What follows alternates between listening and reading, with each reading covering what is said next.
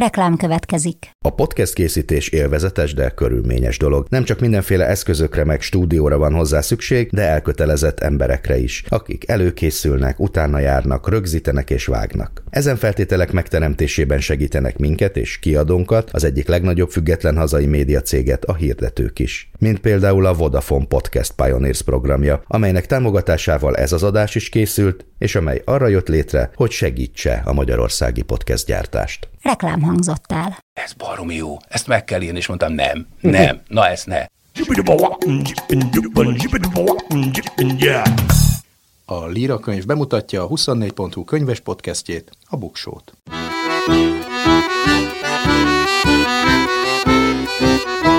Ez itt a Buksó, olvasásról, könyvekről, mindenféle jóról. Én Nyári Krisztián vagyok.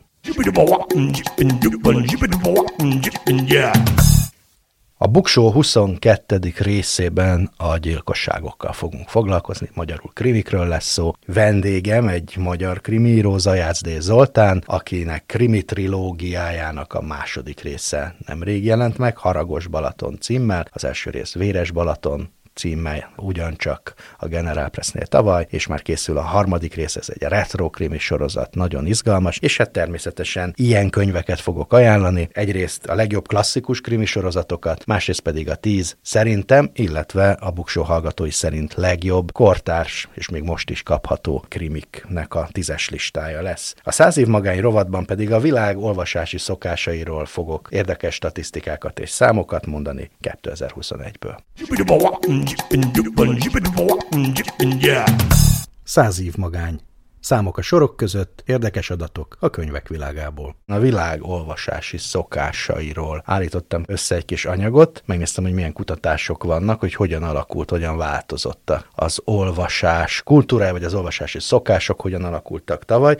Ugye valamelyik előző epizódban beszéltünk arról, hogy Magyarországon hányan olvasnak, mit olvasnak, mik jellemzőek a könyvpiacon, már ami az olvasókat illeti, és most megnéztem, hogy hogy is van ez a világban.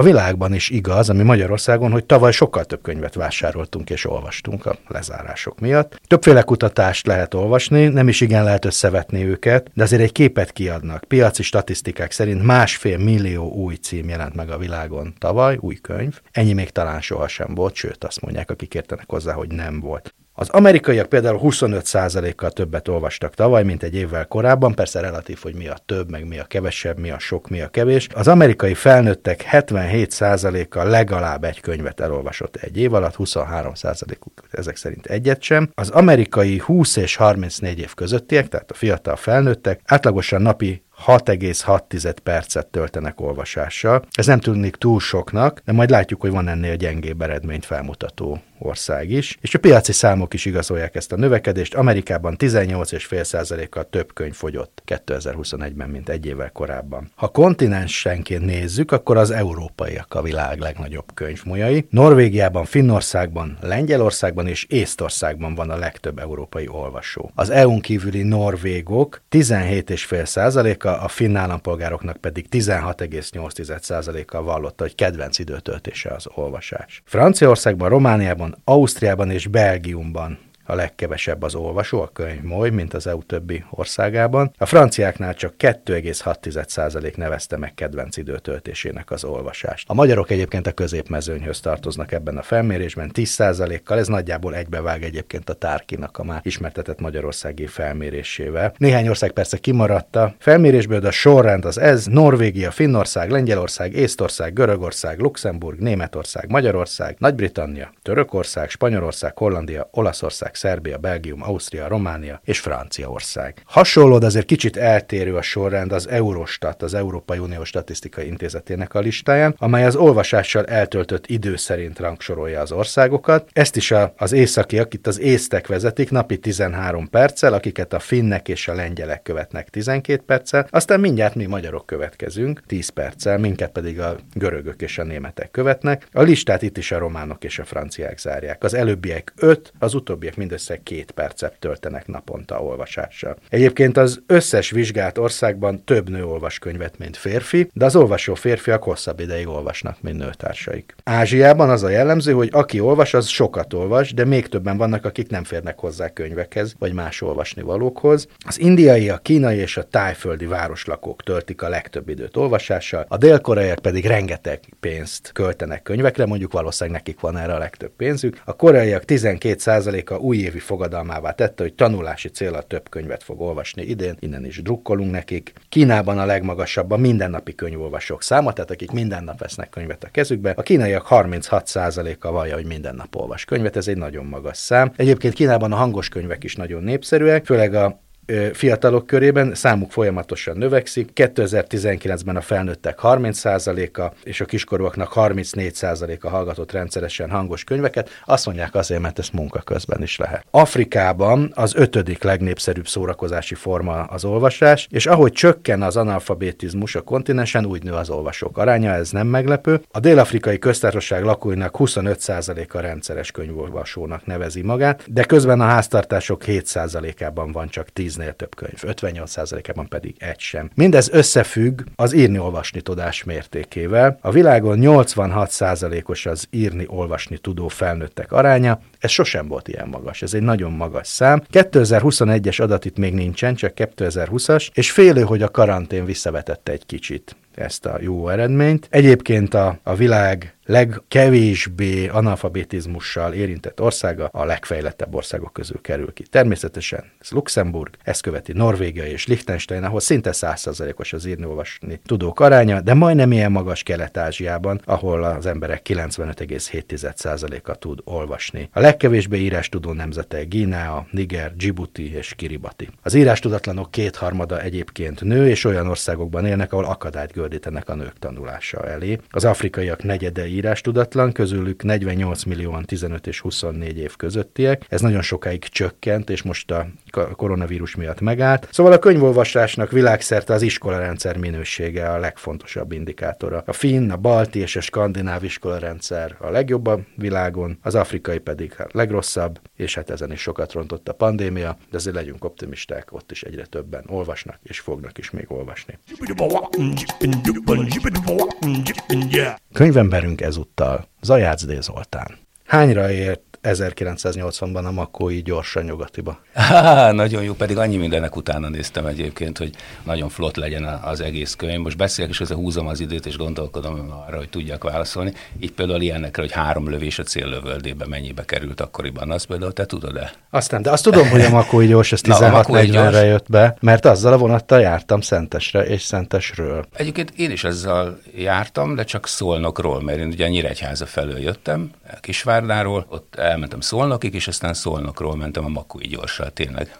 Szentesre. Beszélünk majd ezekről a referenciális részekről is a könyvedben. Ugye, akik még nem olvasták, azok kedvéért mondom, hogy egy nyomozó ekkora megy ki az állomásra, mert jön az egyik tanú, és hát benne van, hogy 16.40-kor érkezik a vonat, és kíváncsi voltam, hogy erre emlékszel, vagy pedig utána kellett nézned. Ugye mi három helyről is ismerjük tulajdonképpen egymást. Egyrészt ugyanabban a gimnáziumban jártunk, szentesen, csak nem egyszerre, te valamivel korábban érettségiztél. Aztán pedig később, én akkor dolgoztam a főpolgármester hivatal sajtóradáján, amikor te a budapesti regionális híradónak voltál szerkesztő riportere, és van, ott olykor találkoztunk. Ez nagyjából a 90-es évek legvége. Pontosan, 95 és 99 között. És most pedig ugyanannál a kiadói csoportnál, bár két különböző kiadónál vagyunk szerzők, én a Corvinánál, te pedig a General Pressnél, ahol a második könyved jelent meg. Így van. Szóval menjünk egy kicsit vissza ehhez a 1640-hez. Mennyire pontosak ezek a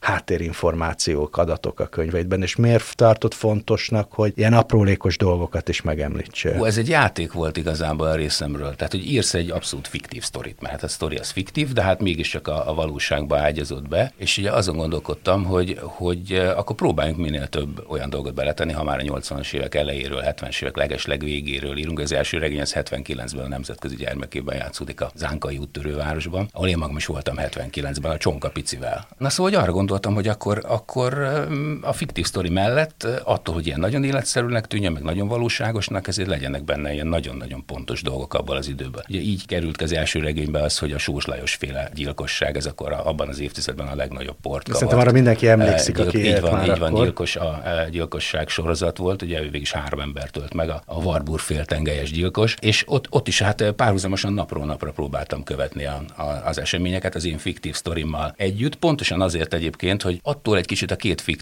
szál is valahogy valóságosabbnak tűnhet az olvasó számára. Nem fogja elhinni senki természetesen, hogy ez most valóság, de attól, hogy ez a Sós Lajos ügyjel párhuzamban folyik, és a nyomozás is párhuzamosan folyik, így végül is egy kicsit valóságosabbá vált a történet. És a legnagyobb pont az az, amikor a fiktív szál meg a, meg a valóság találkozik, mert vecsésen, ő egyébként ott lakott, egy ilyen áfészboltban a, a nyomozó Bogdán hadnagy, meg a Sós Lajos egymásba botlanak, a meglöki véletlenül a Sós Lajos, és oda szól És neki, talán még egy eladó nem tud ez vigyázni, nem is mondja egy eladó, hogy hát ez a mi Sós Lajosunk, ez egy, egy, még egész jó napja van, de ez egy nagyon nehéz ember, még azon se csodálkoznék, ha egy szép napon megölne valakit. Így van.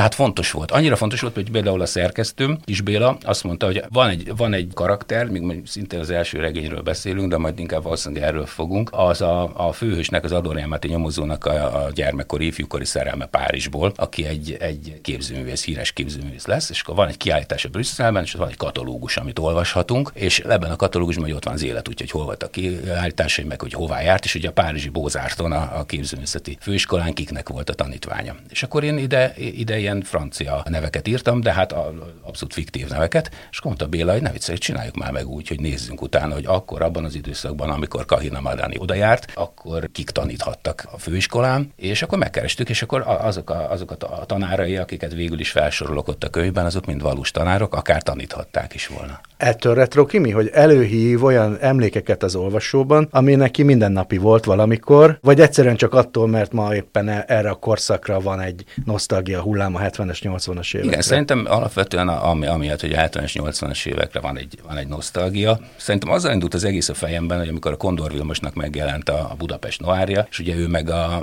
40-es 30-as, évek, 30-as, 40-es 40-es évek, hát ugye az a Gömbös Gyula temetésének napján kezdődik a történet. Ő tulajdonképpen utólag alkotott meg egy műfajt, a magyar noárt valóban, vagy ilyen hardboiled krimit, mert, mert ez nem volt. Tehát a- nem tudunk róla, hogy akkoriban valaki írt volna ilyet, vagy legalábbis nem jelent meg, tehát az titokba tette az asztalfióknak, és akkor ezt visszamenőleg megteremtette, ugye innen a jövőből. Na most a 80-as években volt krimirodalom, hát ugye a sorolom a Mák Bertalan, Fóti Andor, ugye korábban Ezekről majd kérdeznélek aztán a, jó, a Macsesovszki Jenő, Kristóf Attila. Csak ugye az a nagy különbség, hogy akik a 80-as években írtak krimit, ők ott éltek, abban a rendszerben éltek a Kádár korszak utolsó tíz évében, és nyilván nem tekintettek onnan ki, meg nem is láttak onnan ki, tehát hogy abban a valóságban éltek, és úgy írták meg a történeteiket. Én ugye ilyen 40 év távlatából úgy tudok erről írni, hogy már tudom iróniával kezelni például ezt a korszakot. Ugyanakkor meg éltem is benne, tehát a nosztalgia számomra nyilván az, hogy akkor voltam fiatal. Igen, erről beszéljünk egy kicsit, még az elején inkább tőled, vagy rólad kérdeznék. Az ugye kiderült, hogy Kisvárdáról indultál, és Szentesre kerültél. Ez egy irodalmi drámai osztály volt. Te színész akartál lenni, amikor oda kerültél? Nem, érdekes módon nem. Egyébként nem akartam színész Én lenni. se, csak ezt mindig megkérdezik Igen, persze, hát, is. ja, hát akkor színész akartál lenni. Hát Szentesre jártál, azok mind színészek akarnak lenni. Nem, nem akartam színész lenni. Egyébként most nevetni fogsz, de író akartam lenni. Hiszen ez Inkább. egy irodalmi drámai Igen, osztály igen, volt, igen. csak a, nyilván akik előadói pályára kerültek, azok a, az ismertebbek, Igen, vagy azok igen. Aztán, aztán nem, nem, nem író lettem, hanem, hanem a médiában dolgoztam nagyon sokáig, de alapvetően egyébként tényleg író akartam lenni, és azt így a túl az ötvenen valósítottam meg. Sosem késő Ez így van, elkezdeni. ez így van. Szóval annak idején tanultam még irodalomból, hogy a GB Show, hiszem 32 évesen írta az első uh, színdarabját, és ugye, hát, Neki hogy, ő, hogy ő mennyi, mennyire uh, későn érő típus volt, na hát én rendesen leköröztem, vagy 20 évvel. Jancsó Miklós pedig 42 évesen csinálta az első Az első filmjét. filmjét, így van. Utána pedig magyar filozófia szakra kerültél.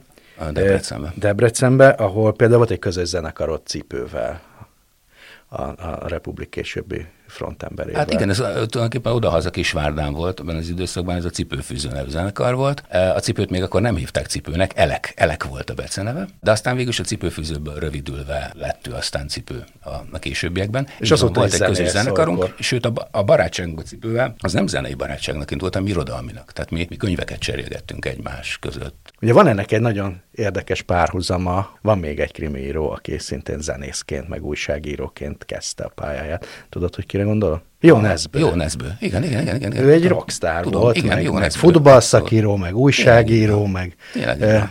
És még bejött neki az írás is, szóval lehet halmozni is az élvezeteket. Aztán utána, ugye, hogy mondjam, életed második szakaszában ismertelek meg személyesen, amikor éppen újságíró volt. Ennek kipróbáltad azért az elég széles spektrumát, mert voltál klasszikus újságíró, aki papírújságba ír Így van, cikkeket. papírújságban, aztán volt, voltam három megyei volt- napilapnak a főszerkesztője, de nem egyszerre ne jegyen meg senki, hanem egymás után. Így van, de rádióztam is kereskedelmi És- rádióban és egy ideig, és hát is. csináltam televíziót. És ott televízióban is kipróbáltad a hírműsort, meg voltál Friderikus Sándornak is szerkesztő. Így van, tehát csináltunk showműsort. Én a Friderikus show-ra nagyon büszke vagyok, mert akkor kb. tíz évvel a, a hazai televíziózás előtt jártunk. Ez is, meg egy napilap, egy megyei napilap főszerkesztőse azért ilyen klasszikus full-time job. Tehát emellette dédelgettél bármilyen írói álmot, hogy majd egyszer azért megírod, ami a fejedben van, vagy akkor teljesen arra koncentráltál, és ezt már, nem, ezt már elengedted. Um, dédelgettem, de nem volt rá időm. Igen, én nagyon szerettem volna mm, krimit írni, és, és nagyon szerettem volna már abban az időben, amikor a médiában dolgoztam, de hát ez szinte lehetetlen volt. Ez, ez te is tudod, hogy ez, ez tényleg ilyen mindenféle panasz nélkül, mert nagyon élveztük, főleg amíg fiatalok voltunk, de ez ilyen napi 12-14 óra. Na most e, hát emellett hogy írsz regényt? Persze, lehetetlen. Arra lennék kíváncsi, hogy aki ilyen sokáig a médiában dolgozik, főleg annak a szórakoztatóipari részében, az megszokta tanulni, hogy van olyan, hogy célcsoport, hogy kinek szól az a műsor, amit csinál. Hát, Amikor ne. te író lettél, vagy elkezdtél könyvet írni, akkor gondoltál arra, hogy kinek írod, elképzelted az olvasót? Nem, ez le- lehet, hogy ez így meglepő válasz ezek után, de Egyáltalán nem, nem, nem, nem, voltam. nem, ezt tudom, ezt megkérdezték tőlem egy interjúban, hogy mennyire jó ki van ez számítva, hogy, hogy Balaton, meg retro, meg, meg gyilkosság, meg- tehát hogy, hogy egyszerűen úgy, úgy minden ott van együtt benne, ami miatt egy ilyet, ilyet szeretni kell, és hogy, hogy ezt én tudatosan csináltam-e, és egyáltalán nem. De ezt komolyan mondom, hogy nem.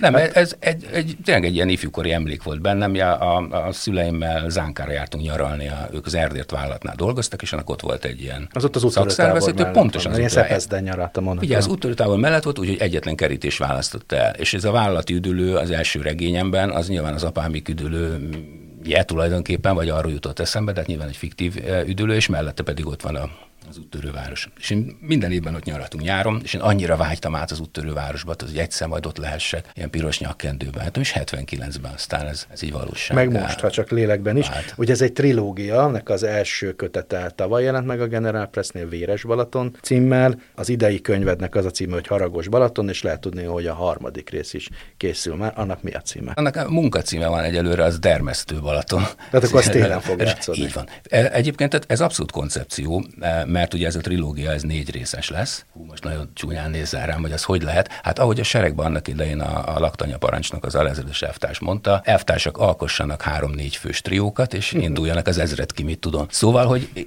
végül is lehet, úgy lehet egyébként, hogy, hogy azt tervezzük, hogy ha a változatlanul ilyen sikeres lesz, mondjuk a harmadik is, akkor egy nulladik részt, egy úgynevezett előzményregényt Igen. írnék, ahol a, a főhős Még el, első, igen, első nagy nyomozás. A Simenon is megírta a Megri első nyomozását, mit tudom, 20 évvel azután, hogy Sok ilyen van, mert ugye általában az, az is írni. elő szokott fordulni, hogy elkezd valaki egy nyomozót kitalálni és felépíteni, és az elején még túl eh, nagy éveket ugrik, és aztán elfogy, megöregszik a, a nyomozó, és akkor el kell kezdeni az ifjú korától. Nekem van egy kedvenc történelmi krimi sorozatom, a Stephen Saylornek a római eh, nyomozós történetei. Eh, Nagyon-nagyon jó. És hát ott is az történt, hogy először ilyen 5-10 éveket ugrott, és aztán hát kénytelen volt visszamenni a legelejére. Na és az első rész nyáron játszódik, a második ősszel, amit most itt látsz, a harmadik télen valóban, és hát akkor a negyedik majd a, tavasz, a tavasz, az tavasszal fog. ifjúság. Arra is gondoltam, hogy túl azon, hogy nyilván a 70-es, 80-as évek az most fölértékelődik, a retro divat közepén van, hogy talán azért is kellett neked visszamenni 40 évet, mert így egy nyomozás sokkal hagyományosabb. Tehát nincs internet, nem tud megnyomni egy gombot, nem tud technikai segítséget kérni. Tehát ugyan, bizonyos értelemben ugyanolyan hagyományos nyomozót kell fölépítened, mint akár a Budapest Noárba Kondor Vilmosnak, hogy nem- áll a rendelkezésére semmi. Ú, de nagyon eltaláltad. Ugyanis ez volt, ami mozgatott. Tehát, hogy igazából én nem is retro krimit akartam írni, nem azért a 80-as években játszódik a történet, mert hogy az olyan hú, nagyon az volt az ifjúságom, meg hogy milyen jó arra az én generációmnak visszagondolni. A fiam szokta mondani, hogy a 80-as évek az tényleg remek volt apa, kivéve a zenét. Az, az borzalmas volt a popzene a 80-as években. Na minden esetre, tehát én igazából csak egy, egy olyan krimit, tényleg erről van szó, Tökéletesen látod. Én egy olyan krimit akartam írni, amelyben a nyomozóknak e, még nem áll a rendelkezésére e, mobiltelefonos nyomkövetés, azt, hogy megnézik, hogy hol fizettél a, a kártyáddal, nincsenek térfigyelő kamerák, nincs DNS vizsgálat, és így tovább. Valóban. És annélkül, hogy spoilereznénk, mert hát ugye nagyon nehéz krimiről beszélni, hogy ne lőjük le a point, de hát pont ez az egyik fontos ilyen a nyomozást előrevívő dolog, hogy van egy újdonság, még ha nem is technikai, vagy nem elsősorban technikai, ez pedig a profilozás. Hogy Amerikában ez már létezik, és van egy karakter, a, a nyomozó segítője, Hát, egy watson kitaláltam a, én is a nyomozónak, egy, nagyon akartam egy civilt, és gondoltam, hogy legyen ez egy, ez egy lány. Igen, ez egy klasszikus főhős páros, ahogy, ahogy sok igen, igen, igen, igen, igen. látjuk.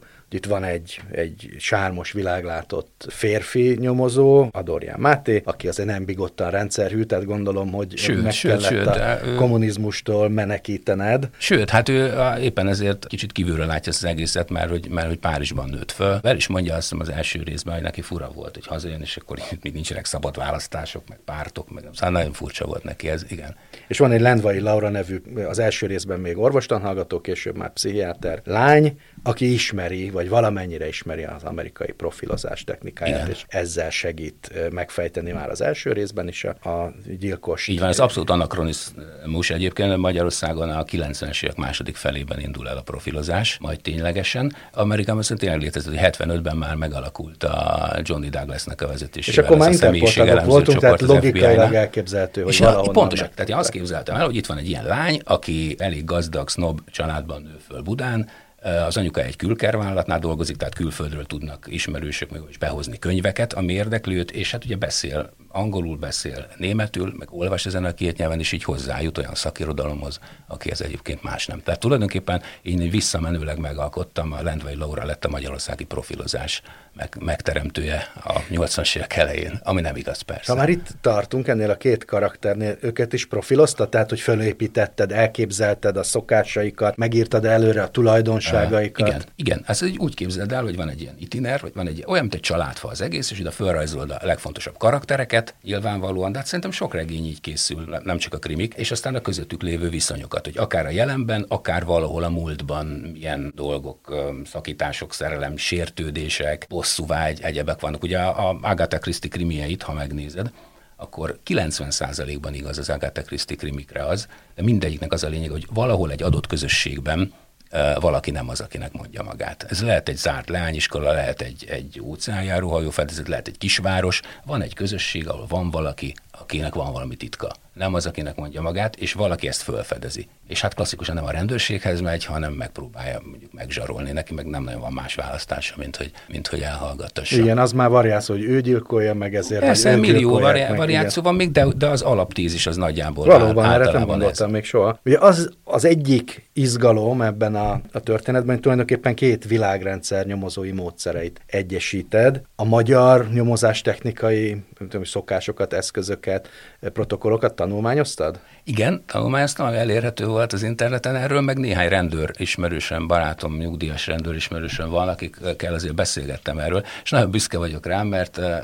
ezt a kéziratot odaadtam az egyik kollégámnak, aki meg utólagos engedelmel megmutatta a szomszédjának, aki, aki rendőrőrnagy, és azt kérdezte tőle a, a rendőrőrnagy, hogy figyelj, de ez a te tanár kollégád egyébként előtte nyomozó volt, nem? Vagy rendőr volt. És mondta, nem, nem volt. De ez biztos rendőr volt. És akkor jött hozzám, akkor megkérdezte akkor, hogy figyelj, te voltál nyomozó valamikor? Hát de hogy voltam, hogy lettem volna. És azt mondta, hogy azért, mert hogy annyira a helyszínelés, meg rengeteg olyan dolog, ami a kérdezés technika, minden, ami, ami ezt tartozik, ahogy, ahogy akkoriban nyomoztak a rendőrségen, az úgy annyira hiteles volt, hogy hát számomra ez volt az egyik legnagyobb dicséret. Csak nem, hogy rád bízzanak egy igazi ügyet. De persze nem csak ebben nagyon nagyon hiteles a könyv, hanem az, az egész korszakábrázolás, tehát hogy mint hogy annak is nagyon utána mentél volna, hogy hogy éltek a pártfunkcionárusok, a vállalatvezetők, hát milyenek voltak a vadászatok, egy tanulmányoztad a szocialista elit e, e, Igen, módját. hát bizonyos értelemben tanulmányoztam. Igen, ez nagyon izgatott, hogy, a, hogy, hogy a, ez a párturalmi elit akkor hogyan működött. Valamennyire volt rálátásom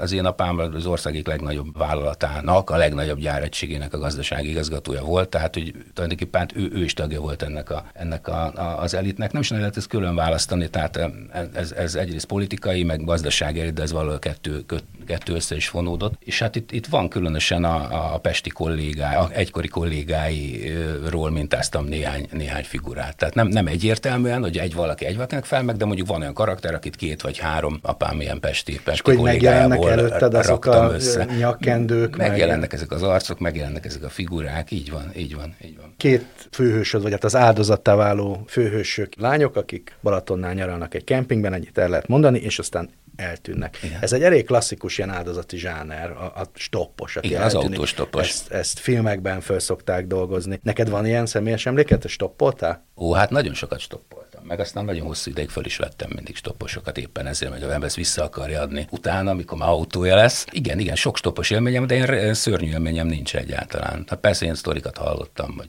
a Nárai Erika közös barátunk mesélte egyszer, hogy valaki fölvette őket, és ott nagyon rájuk ijesztett az autóban. Tehát, hogy, hogy volt, neki voltak például ilyen negatív eh, stoppos. A barátnémet elrabolták stoppos élményei. Közben, úgyhogy... Na, szóval azért ilyenekről nem tudok, de hát, hogy elképzeltem, hogy ez, ez végül tényleg megtörténhetne, és hogy, hogy személyes dolog legyen a, a harmadik regényemben meg, ami most készül, ott meg egy észtországi szál van, ott annyit elárulhatom egy spoilerezés nélkül, hogy a az Aeroflot szovjet légitársaság budapesti belvárosi irodájában, ez a, a Váci utca, a Kristóf ter sarkán Arra volt. emlékszem, még a civil feliratra is nagyon van. sokáig ott volt. Na, ott, ott dolgozik egy, egy szovjet, tehát észt származású, de ugye akkor az észt SSK a Szovjetunióhoz tartozott, nem is örültek ők neki. Egy szovjet lány, vagy észt lány tűnik el, és találják meg a, a Balaton jegébe fagyva a holttestét, ugye ettől ez dermesztő Balaton, és akkor ott, ott lesz egy ilyen észt szál, ami tulajdonképpen az észt ellenállási mozgalomról szól. És én 89-ben három csodálatos hetet töltöttem el Észtországban, és ott, ott például ilyen az észtellenállási mozgalom tagjaival is megismerkedtem, ilyen fiatal egyetemistákkal, fiatal értelmiségiekkel, elképesztő nagy élmény volt. Irodalmi utalásokat is elrejtettél ebben a regényben. Például az egyik szereplő Párizsban a Richard Lenoir körúton lakik. Igen. Ennek mi a megfejtése? Ó, hát ezt tudod persze, de velem akarod kimondatni. A Richard Lenoir körúton lakik a Kahina, a Máténak az egykori szerelme, és hát a Richard Lenoir körúton lakik Párizsban a detektív irodalom talán leghíresebb, vagy egyik leghíresebb nyomozója Megré főfelügyelő, ugye George Simon alakja. Ők Madame Megrével oda költöznek egy viszonylag kicsi lakásba, és mondják, hogy jó, majd ha gyerek lesz, meg akkor majd, majd, nagyobbba költözünk, aztán nem lesz gyerek, és végül egész, egész életükben ott, ott élnek abban a lakásban. De nagyon sok ilyen utalás van. Igyekeztem arra, hogy a krimi irodalomból is a, a nagy elődeimet, vagy akiket nagyon tisztelek, vagy nagyon szeretek, az, azokra valamilyen utalásokat tegyem, de nem csak a krimi irodalomból, hanem egyetlen szép irodalomból is olyanokat, akik, akik valamiért fontosak nekem. Mindenkit nem lehetett nyilván beletenni, de hogy így vannak ilyen félmondatok, ami tudom, a Gaston Leroux egyik krimiéből van. Tehát, hogy a Kahina kiállítása Brüsszelben ez a Színek és évek címet viseli, ami a Kafka Margit, hát abszolút zseniális regényem, mert szinte Móricot előlegezte meg ugye később a, tudom én, a rokonokat. Tehát egy, egy olyan regény 12, 1912-ben írta talán, ami ezt ezt a, ezt a széthulló gentry világot, ráadásul egy nőszevével, valami félelmetes, tűpontosan és gyönyörűen, gyönyörűen ábrázolja, zseniális. Aztán van benne egy ilyen, hogy, hogy mit tudom én, a hold úgy világított, mint egy csonka aranyérem. És a kis Béla szerkesztő mondta, hogy, hogy figyelj már, hogy hold az ezüstös, ne, ne, írjunk inkább ezüst érmet, mint aranyérmet. És mondtam, hogy írhatnánk, csak az a baj, hogy a hold úgy világított, mint egy csonka aranyérem, és a bárok fénycsíkjai alatt zongorák erőkötök, az a Paustovszkinak a, a romantikusok az első nagy regényének egy sora, vagy annak a fele, és én ezt akartam, a jó mondta, hogy értem, akartam, hogy, hogy benne legyen. Aztán van egy olyan szerelem volt a világlapok címoldalára való, ez Eszterházinak a szív segédigéből van. Na, tehát úgy, úgy rejtettem el benne, persze, nagyon-nagyon sok ilyen kis aprócska irodalmi tojások, ahogy mondani irodalmi szokták, utalást. Amit, örömet ad az olvasónak, aki Igen, ezeket lehet, lehet, lehet keresni. Hát ugye ez tulajdonképpen a, a modern irodalom, vagy inkább a szép irodalom, vagy a, a, a posztmodern sajátja, ez az intertextualitás, amit ugye Eszterházi úgy hívott, hogy ő vendégszövegeket, vendégszövegeknek mondta őket. Ez annál kevesebb, mert hogy csak utalsz, és nem, nem ja, a szöveget igen, magát, nem, egy egész nem mondat idézett. sincs. Nem, nem, igen. abszolút csak ilyen szókapcsolatok vannak, vagy címek. Van a Haragos Balatonban egy szál, ami az előzőben nem volt, egy kicsit ilyen ezoterikus, vagy misztikus vonal. Ezt miért érezted fontosnak? Azért, mert valami fűszert bele akartam rakni mind a kettőbe. Az elsőbe egyértelműen a profilozás az, ahogy rá is világítottam, mert hogy az nagyon nem volt 79-80-ban még Magyarországon. Itt pedig hát megint azt akartam, hogy, hogy azon túl, hogy van benne két büntény, amelyek vagy vagy összefüggenek, vagy nem, legyen valami, valami érdekesség. Szóval, hogy valamivel, valamivel dobjuk fel ezt a történetet számomra is, meg az olvasó számára is szórakoztatóbb legyen. Számomra is ez abszolút áll, mert nagy, én nagyon élvezem, miközben írom. És hát így jutott eszembe ez a, ez a, ez a misztikus szál. Hogy van a, De azért megnyugtatom az olvasók, hogy nem, ennek, nem a misztika fogja majd ne, nyomra egy. Egyáltalán, egyáltalán nem, meg, hogy nem is annyira misztikus ez a misztikus, tehát hogy én egyébként egy ilyen abszolút két lábbal a földön álló ember vagyok, tehát én csak eljátsz, eljátszadoztam ezzel, nem, ez nem egy misztikus krimi. És akkor hogyan tovább készül a következő rész? Lesz a Dorian Mátéból egy magyar Hári Hull, akinek így végigkövethetjük hát, az életét, vagy le akarod zárni a, a mínusz egyedik résszel, és akkor Hát én le akarom zárni. Új min- szereplőt igen, Én szeretném lezárni a mínusz egyedikkel, és akkor így e, e, e, ebből a skatujából, amiben esetleg belehelyeztek, vagy bele fognak helyezni, hogy az a tüskehajú, őszhajú fickó, tudod, aki ilyen, ilyen balatonos retro krimiket ír, szóval hogy nem szeretnék így ez maradni. Nagyon szeretem a hőseimet, de szerintem lesz egy pont, ahol valószínűleg el kell búcsúzni. Arra kérte a kiadó vezetés, hogy ne öljen meg őket, mert sose lehet tudni, hogy a Bobit milyen nehéz volt a Dallasba feltámasztani. Tehát, hogyha ha mégis, és, és az olvasó nagyon, marad, nagyon szeretné, Máté életben marad. szóval életben maradnak a hősök, de igen, aztán szeretnék valami napjainkban játszódó, mm. tehát teljesen napjainkban játszódó krimit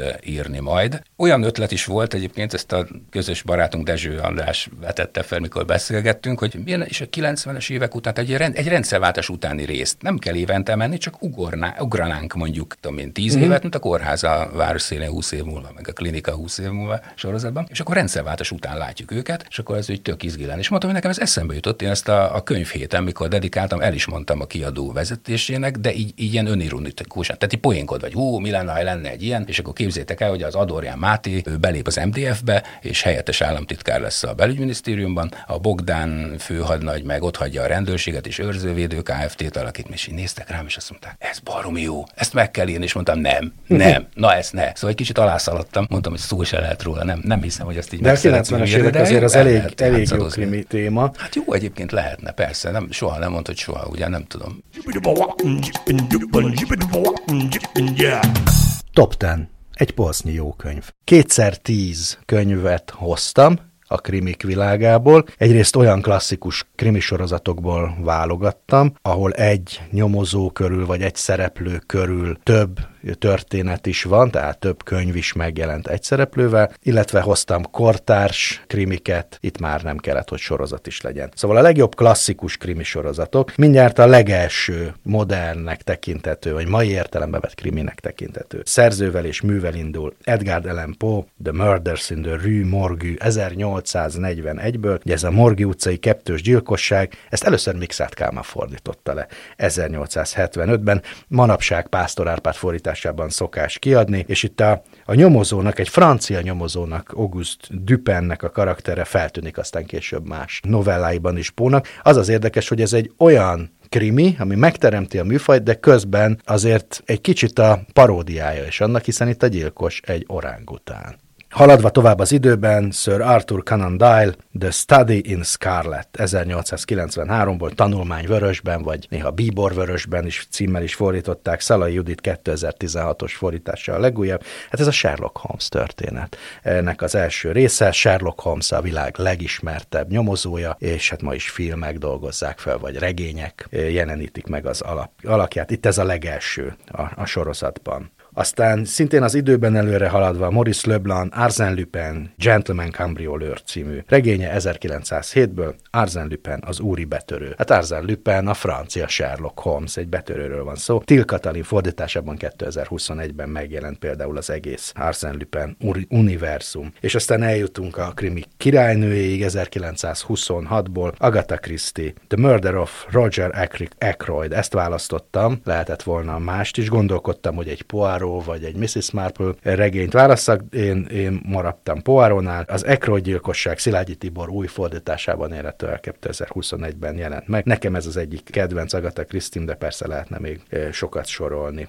1930-ban jelent meg Dashiell Hammett The Maltese Falcon című Regénye a Máltai Sólyom. Lénárt Edina a 2018-as fordításában érhető el. Megteremt egy zsánert, Sam Spade a nagyvárosi mocsokban nyomoz, itt már nem arisztokraták, főurak és kastélyok lakói körében történik a gyilkosság, hanem egy nagyvárosban. Ez igazi sötét zsánert teremt meg ezzel. Aztán jön az egyik kedvencem, Raymond Chandler, The Big Sleep, 1939, a hosszú álom. Ezt Lengyel Péter fordította még 1991-ben, és a nyomozó, aki végigkíséri aztán több regényt, az pedig Philip Marlowe-nak a figurája. Aztán 1955 Patricia Highsmith, The Talented Mr. Ripley, a tehetséges Mr. Ripley, Jász István 2003-as fordítását ajánlom. Nem egy klasszikus krimi, hanem egy szélhámos történet, de azért nyomoznunk is kell, és egy kifejezetten ellenszenves főszereplő, akinek mégis szurkolunk, hogy sikerüljön neki